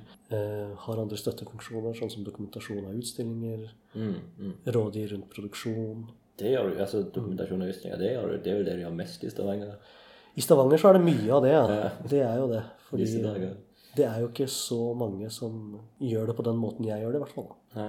Så det har jo blitt eh, en stor del av den aktiviteten jeg gjør innenfor den som jeg kaller studio-delen av, eh, av min bedrift. Mm. Og eh, det gjør jo det mulig å realisere andre prosjekter. ja. Du er nå fotograf. Altså, det er jo det å finne tittelen din. det er jo liksom det Du ikke- liksom ikke helt kalle deg billedkunstner. Gallerist. Det er liksom det er litt rart å kalle deg det hvis du er liksom et vandrende galleri. Ja, Nei, jeg er jo egentlig veldig tydelig på at uh, City Contemporary er et galleri. Jeg, jeg setter ikke likhetstegn mellom å ha én space og å være et galleri. Og eh, det har vi jo sett mer og mer nå i utlandet igjen. Okay. At det blir jo vanligere og vanligere at gallerier ikke nødvendigvis har en space, eller at de har gitt opp spacen sin og er et vandrende galleri, at de gjør prosjekter. Jeg liker å kalle det en eh, jeg kanskje mer nøyaktig kalle det en kuratorisk plattform. Mm. Og eh, det er jo ideen. Men jeg tenker at eh, Så du er kurator. jeg er jo kurator fordi jeg lager, lager utstillinger. Ja. Men for meg så, så har jeg ikke noe problem med, med tittelen gallerist. Fordi jeg Mm. syns at et galleri ligger i strukturen rundt, ikke plassen. Et Mm. galleri er jo fortsatt et galleri om det har hatt én space, og så har det ikke et space i noen Mm. måneder, og så flytter det til en ny space. Det er ingen som stiller spørsmål om det er et galleri. Nei. Galleriet er jo menneskene som er knyttet til det. Mm. Den kunstneriske profilen, hvordan det arbeider, og de støttefunksjonene som det gir til de kunstnerne som de jobber fast med. Og eh, for meg så er det som er nøkkelen, da. Å representere kunstnere og kunstnerskap er en viktig del av det. fordi da kan jeg tilby den støtten over lengre tid, da. Som man ikke kunne ha gjort som et prosjektrom eller en annen måte å gjøre det på. da. Du har et galleri som står for gjerne visse verdier, eller er en konstellasjon av mennesker og et uttrykk og en kunstnerisk eh, visjon. da. Og så flytter man rundt og gjør prosjekter der det, der det passer seg. Og så gjør man kanskje heller noen messer i året og noen forskjellige prosjekter på ulike steder. Samtidig som man har denne da, kjernen av mennesker som man jobber med og støtter og prøver å utvikle over tid. da. Men når starta du med Sæter Jørgensen Contemporary? Firmaet ble offisielt stiftet i fjor. Okay. Og, men eh, forarbeidet og driften lå, var jo på en måte året før. da, sånn at sommeren tror jeg, 2017 så begynte vi også å legge planene og skape strukturen rundt det. Men uh, aksjeselskapet det ble stiftet i fjor. Okay. Så det er jo et relativt nytt prosjekt Mm. enda. Og eh, per i dag så representerer jeg jo tre kunstnere Ja. på fulltid. Som er uh, en kunstner fra Toulouse som heter Vincent Sarda. Frode Felipe Schjelderup fra Stavanger. Mm. Og Nils Thomas Akland Fra Sandnes. fra Sandnes. og de er jo veldig forskjellige kunstnere, Ja. alle tre. Men uh, Men hvem var det du begynte med? For Frode har du jo hatt en uh, tilkobling til ganske lenge. Frode har jeg jo kjent veldig lenge. Mm. Og uh, altså i ti pluss år. Mm. Og jeg har jo hele tiden på en måte Eller ikke, ikke i ti pluss år, men i mange år nå vært eh, involvert som en slags støttespiller og gitt råd og hjulpet med ting og sånne ting. Også når jeg ikke har på en måte kunnet gjort det offisielt, fordi jeg har jobbet andre steder eller med andre folk. Så jeg har jo på en måte fungert på en måte som hans gallerist i flere år enn en firma har eksistert, hvis man kan si det sånn. Og sånn offisielt, den første som signerte med galleriet, var Vincent Sarda.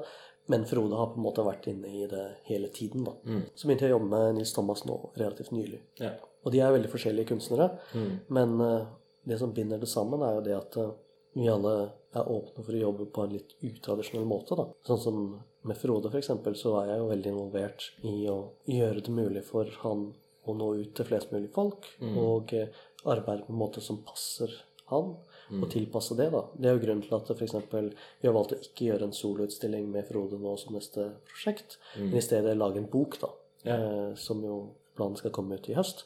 Og det er jo nettopp fordi for Frode så er det kjekkere å gjøre et bokprosjekt enn å gjøre en utstilling som gir veldig mye fokus på han som person. da.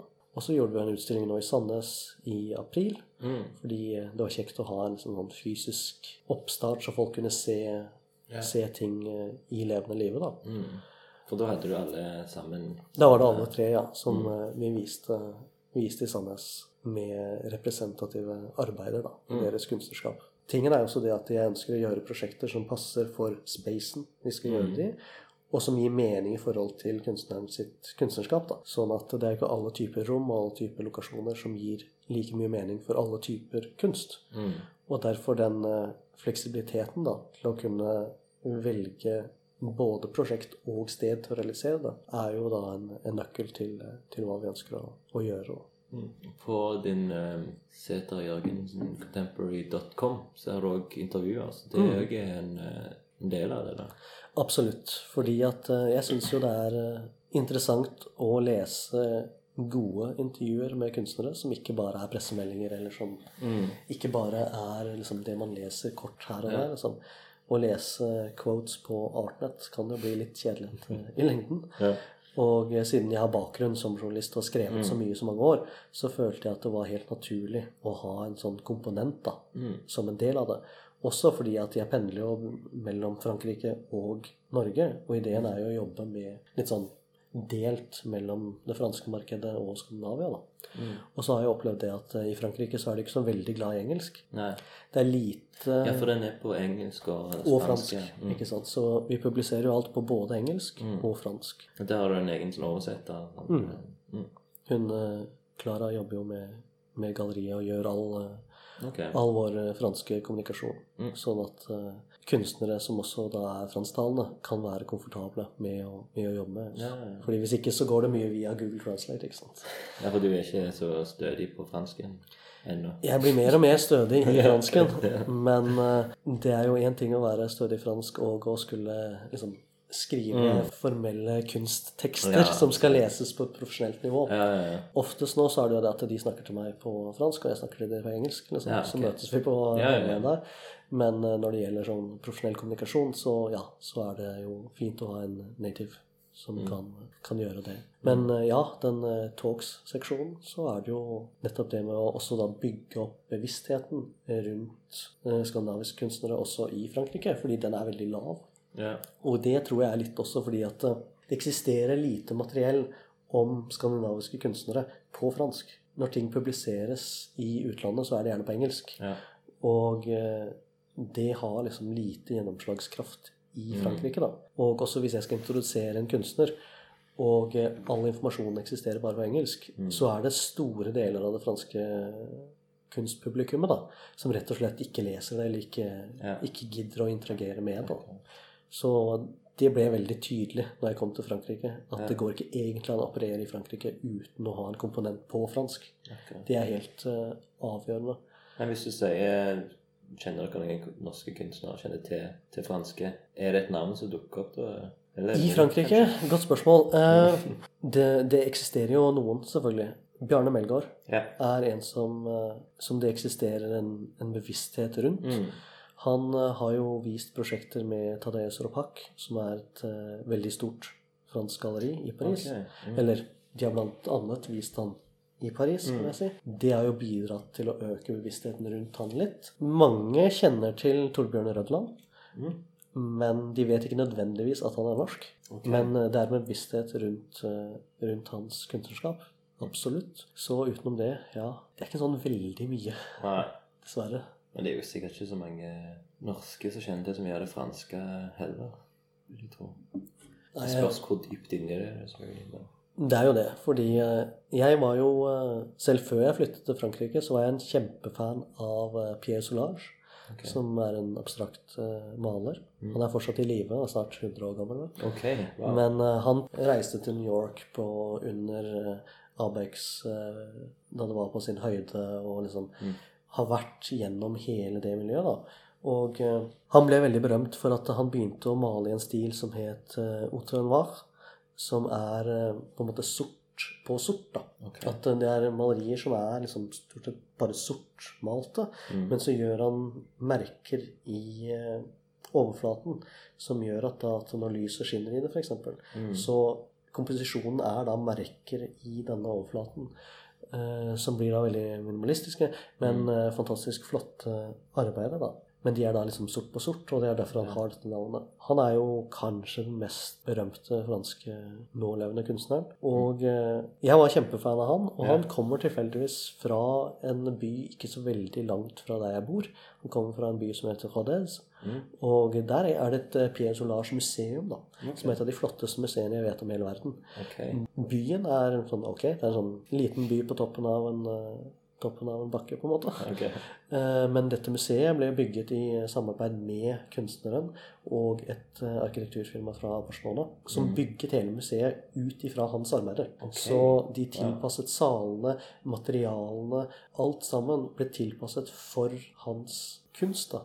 Samtidig som at han satt jo på en stor samling av sine egne arbeider, som han hadde gitt til dette museet, sånn at de kan vise dem. Fordi eh, den lille byen kunne jo definitivt ikke kjøpt disse arbeidene. Men selv den franske myndighetene har egentlig ikke råd til å kjøpe masse Pierre Soulage. For vi snakker om titalls millioner for å få tak i disse. Så derfor så ga han de eh, ting fra sin private samling, og så var han med å designe dette museet. da. Liksom, det ligner ikke på noe som du har sett noe som et sted. Og det er et museum da som er designet i samråd med kunstner for å passe hans malerier. Og dette museet ville jeg besøke da jeg kom til, eh, kom til Frankrike. Det var sånn, å, Pierre Soulage, sånn kjempekult. Ja. Men eh, da jeg kom til Paris, til og med, så var det jo de jeg kjente der, var sånn Hvorfor vil du dra dit? Liksom.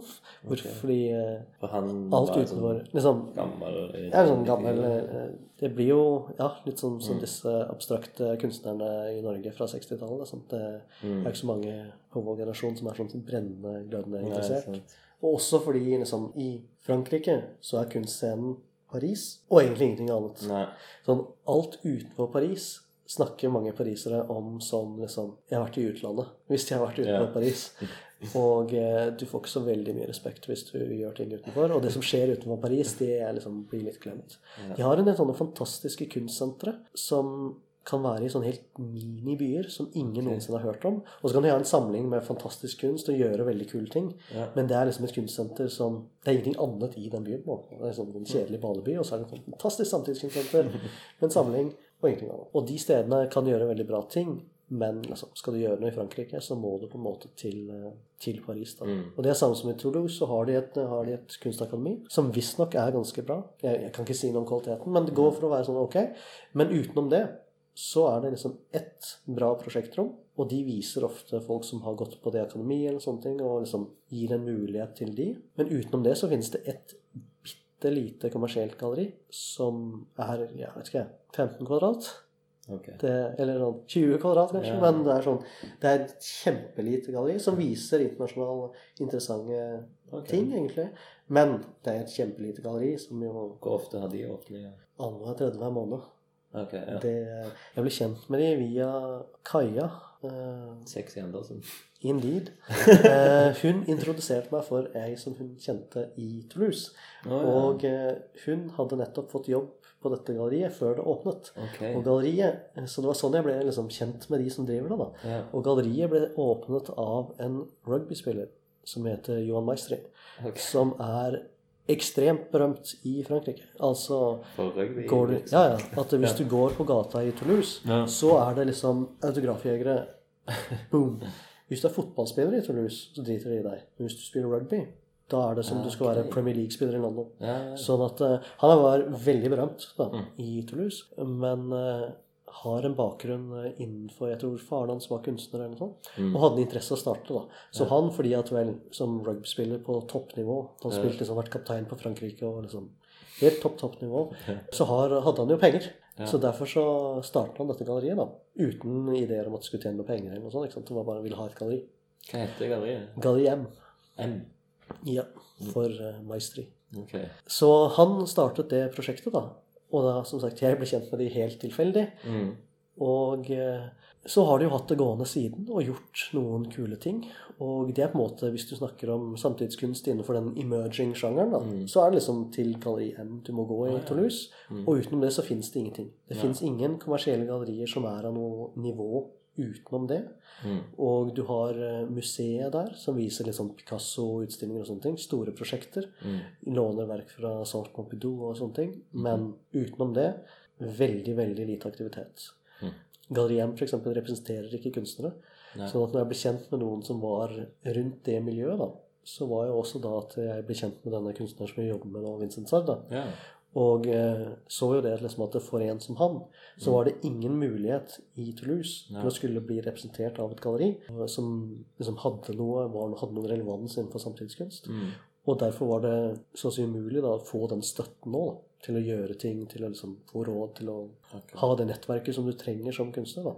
Og derfor så var det en medvirkende årsak Mm. at jeg så liksom ok, å gjøre et galleri som kan tilby det for denne typen kunstnere, samtidig som jeg ikke gjør alle de tingene som jeg ikke syns noe om, og Mm. liksom være en positiv greie da, som kan tilby noe som ikke eksisterer, Ja. så var det veldig naturlig. da, Og så for meg også tenke at ok, men da liksom konsentrere meg om området rundt Toulouse og Mm. området rundt, rundt Stavanger for å tilby noe som ikke finnes, egentlig. Mm. Og da ikke være en konkurrent til etablerte aktører, Mm. men å etablere noe som egentlig ikke finnes noe Ja. sted. da.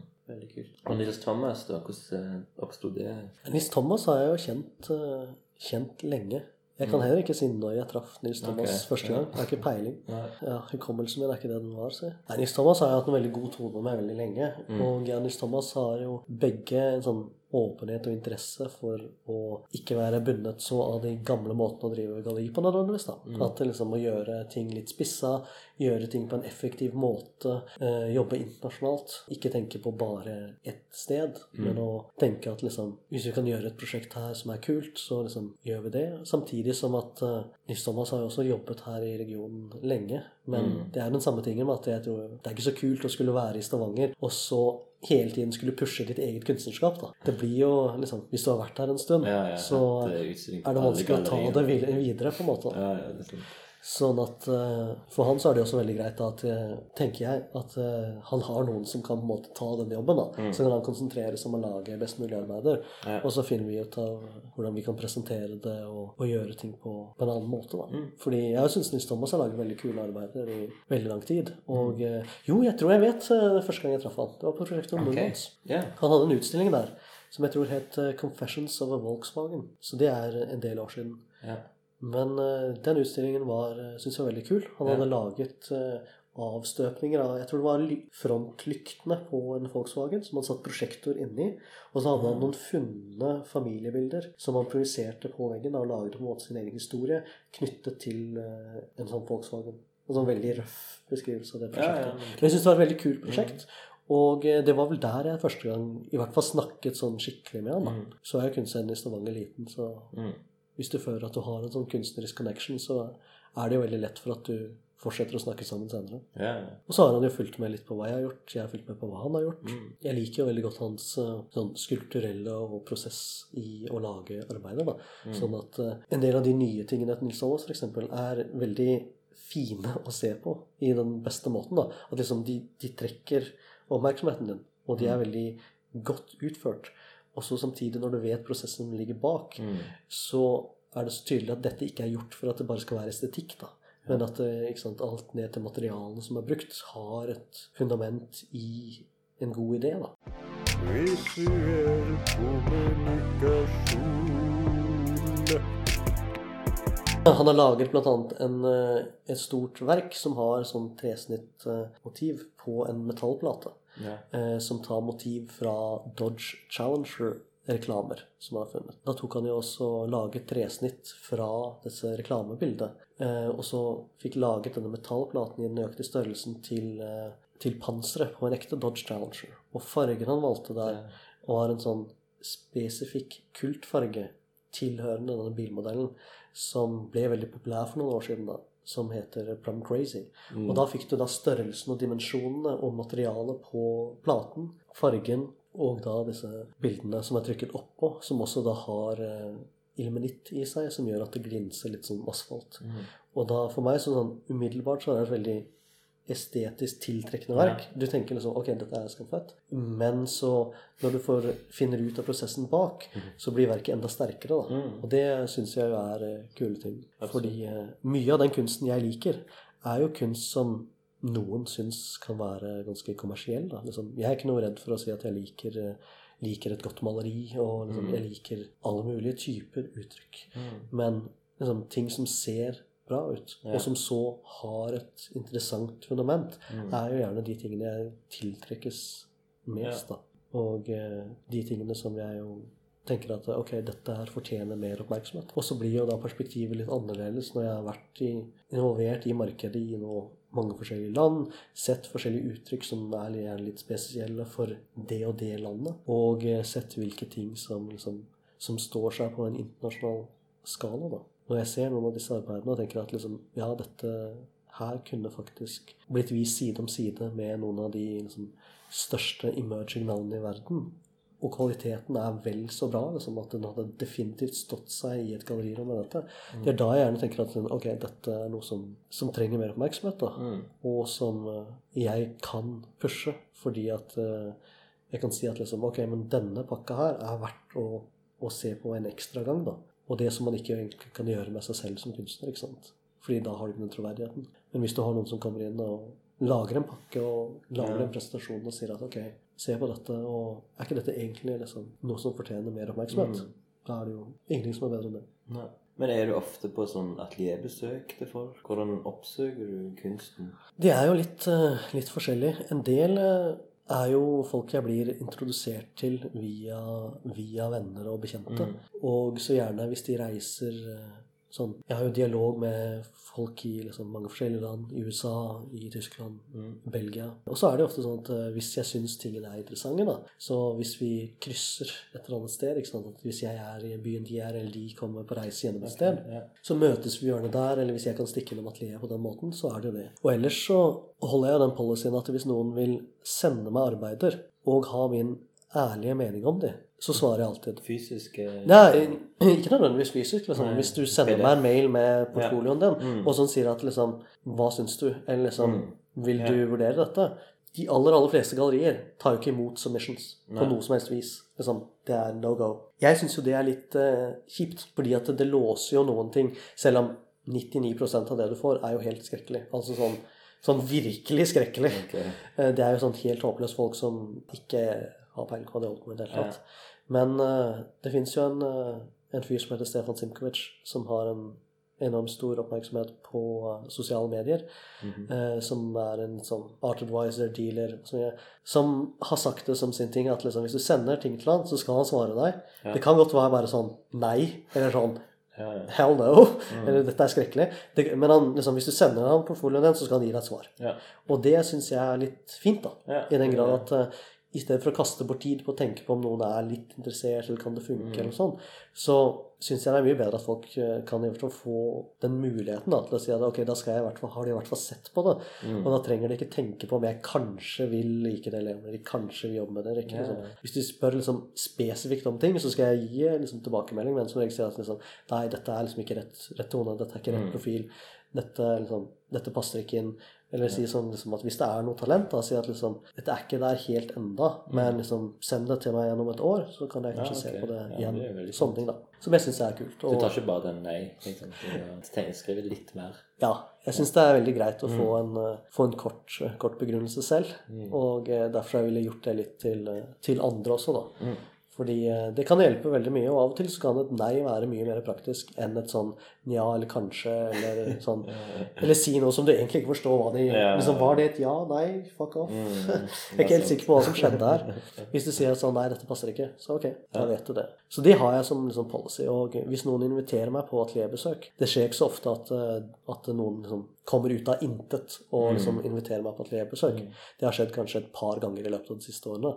Men så har jeg også en policy at hvis det i det hele tatt er mulig, og jeg ikke tror det er øksemord eller sånn, eh, så, så kommer jeg. Ja. Og det er greit. Jeg har truffet mye interessante folk på den måten. Mm. Men, eh, og en del er bare at folk liksom, At jeg har dialog med dem fordi venner venner av venner på internett. Så oppdager jeg noen og ser på liksom Instagram og nettsiden, og så syns det er kult. Ja. Og så, hvis vi da kan treffes in person en gang, så er det jo enda bedre. Hvis det er noen i Paris eller London eller sånn, så er det jo bare sånn at eh, ok, men neste gang jeg er i byen, så tar vi et atelierbesøk, liksom. Ja. Og så finner du ut av prosjektet på den måten. Mm.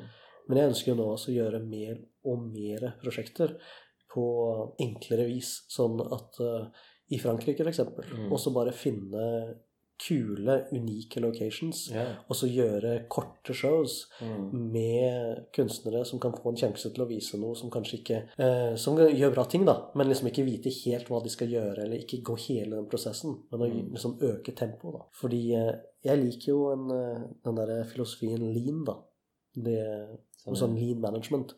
Som eh, en eh, viktig greie der er noe som heter minimum viable product.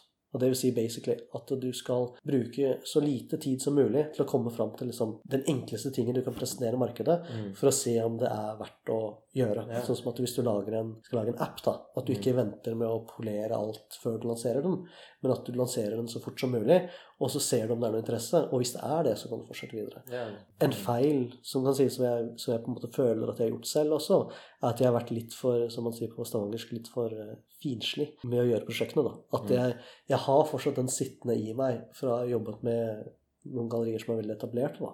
Mm. At eh, ting skal være veldig korrekt, og at du skal ha alt planlagt på forhånd. Og at alt skal på en måte være gjort som om det skulle vært en museumsutstilling. da. Mm. Og at jeg tenker at uh, nå har jeg den erfaringen til at uh, jeg kan stole på prosjektet mer, da. Til å liksom åpne det mer opp for kunstnerne. Åpne det mer opp for at ting er uh, minimalistisk. Mm. Og så heller øke tempo og øke frekvensen på prosjekter. For å åpne opp nye muligheter, da, både for oss og for kunstnerne og for nettverket.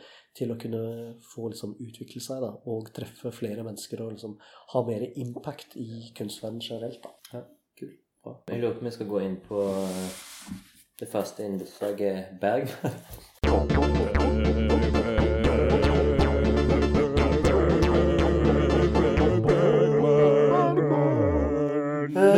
Liker veldig godt uh, Sjuende innseglet. er Mm. Den, den heter. Den Ja. uh, Kriterion-DVD-en var jeg veldig glad i. Ja. Men uh, det er det problemet. Han har jo litt sånn der, hva skal jeg si, sånn der Paul Gauguin-problematikken. Det er jo sånn, Dess lengre tid som går, dess uh, mer vet du om Bergman som person. Og dess mer du vet om Bergman som person, så kan det bli litt tricky å like tingene han har laget. Eh, selv om jeg syns jo sånn på ideelt grunnlag så vil jeg jo så godt jeg kan skille de to tingene. Hvis Ja. ikke så blir det veldig vanskelig å like noe som helst. Jo, det sånn. Eh, du kan heller være bevisst på begge deler Mm. eh, samtidig. Jeg har jo som tidligere hva kan man si, sånn filmnerd, Mm. så, har jeg, så var jo Bergman noe som alle liksom går gjennom og Ja. ser, på lik linje med om det er Hitchcock eller Scorsese eller Mm. hva enn. Så har du jo en De fleste har vel en Bergman-periode Men eh, per i dag så er det vel ikke det jeg bruker eh, mest tid på. Ikke liksom- engang i fjor, på 100-årsjubileet hans. Nei, hvis det er et, en sånn hill to die on, så er det vel mer det at jeg liker eh, Terence Malick sine okay. vandrende filmer. Hvis det er liksom noe upopulært jeg skal gå, så er det å insistere på kvaliteten til, eh, til Malicks senere arbeider. Ok. Ja, men det, det syns jeg er en fin liten eh, oppsummering av hva ditt forhold. Men eh, grunnen til Bergman er jo at jeg, jeg har jo hatt eh, Bergman-segment i alle år som jeg har hatt denne podkasten, så jeg klarer ikke å stoppe. Men eh, i, i denne sesongen, da, som er i sesong 14, da, da har jeg brukt denne boka her, som heter Ingmar Bergman A til Ø. Der jeg spør deg om en bokstav som du liker eller velger. Du trenger ikke noen spesiell grunn til det. Da tar jeg jo eh, bokstaven S, S, ja. siden det er det som er logoen til galleriet, og Ja. Seter, som jo Har du lagd den sjøl? Den logoen. Definer laget, si. Det er jo jeg som har utviklet den eh, Ja. grafiske profilen. Jeg er veldig glad i typografi, da. Sånn Ja. at uh, den er basert på såkalte AutoCAD-tegninger. Det er en uh, spesialfont som har blitt laget av et uh, britisk uh, foundry som okay. heter Kolofon. Ja. eh, som lager noen av de mine favoritt-typefaces Ah, okay. i In the World. Ah. Og så lanserte de da en uh, font for noen år siden som het uh, MAD, som står for Machine Aided Design. Okay. Og eh, jeg elsket disse da sånn veldig geometriske, røffe Mm. linjene som heller ikke overlapper eller som overlapper litt, og som da ser veldig røft og feil ut. da. Ja. Men det tar som sagt inspirasjon fra de såkalte da, AutoCAD og Machine Aided Design. da. Mm. Og eh, S-en syns jeg var kanskje den geometrisk mest interessante formen da, Mm. eh, i den typefacen. Og eh, det var derfor jeg valgte å da bruke den S-en som symbolet for, for galleriet. da. Ja, ja den er veldig, veldig fin. Men eh, da havner vi på silence. Eh, og ja, for det som skjer nå, er at vi skal finne tittelen på episoden med samtale. Nettopp. Uh, silence, lack of audible sound. Uh, silence in Bergman's work usually signifies dysfunctional communication between people, but also between man and God, exemplified by Antonius Bloch's despair over God's refusal to make his existence manifest in the seventh seal. Som du nevnte. in The Silence, eh, som er en film, the tense relationship between the two sisters of the story is expressed through body language and general lack of emotional connection. Bagman's view of silence may have something to do with his own negative childhood experiences. His parents are said to have used silence as a punishment whenever the young Bagman did a bad deed by refraining from speaking to him for a whole day or more. It was a refined method of os- ostracism? Det kjenner jeg ikke til. Ostracism. Ostracism? Og eh, ekskludere noen. Okay, that left him scarred. Silent characters of notice in Bagman's films Elizabeth Warglove in Persona, The Rapist Without a Tongue in uh, The Virgin Spring, and the Jonas uh, Persson in Winterlight. Så ut av denne her, eh, det som jeg leste nå, så kan vi finne tittelen på episoden. Har du noe som uh, Si det. Uh, hva var det? Dysfunctional communication between man and God. Ja. Dysfunksjonell kommunikasjon mellom mann og Gud. Ikke pretensiøst i det hele tatt. Siden jeg har blitt referert til som Ari Behn siden 1999, så passer jo det. Men eh, Ja, har du det? Ja, veldig mange som syns at jeg ligner på Ari Behn. Ja, ja, men den kan jeg jo se. Da. Spesielt da jeg kom Eller jeg kan vel huske det første gang da jeg kom til Kongsgård. Ok. Spesielt da jeg var russ på Kongsgård. Så eh, begynte folk å si sånn Vet du at du ligner veldig mye på Ari Behn? Ja. Og eh, siden så har jeg hørt det siden. Nei, jeg er egentlig ganske nøytralt forhold okay. til det. Så Ja. jeg er sånn, som, ja, Liker du det han gjør, eller har gjort? Jeg likte jo den første novellesamlingen han, han lager. Jeg syns den var litt kul. Den er ganske enkel og sånn, men eh, jeg syns jo den var den trist som faen. Den var jo faktisk ganske kul. Ja. Liksom, hvis du sammenligner det med Man må jo ha et perspektiv her, ikke sant. Det var jo en Mm. eh, kort samling historier gitt ut av en debutant. Eh, Ja. Den var jo ganske ok. Og eh, siden så Ja, så har vi vel begge fått eh, ganske grått hår. Og det er vel eh, Jeg liker jo grått hår. Når fikk du grått hår? Kan jeg spørre om det? Da jeg var tolv. Nei, jeg kan ikke huske en tid da jeg ikke hadde grått hår. egentlig. Det? Det, sånn, det var vel ikke kanskje da jeg var tolv, men eh, ja, jeg kan ikke huske å ikke ha hatt det. på en måte. Folk har kommentert det i hvert fall eh, sånn eh, ti år nå. Og det kom definitivt ikke første gang da for ti år siden. Nei.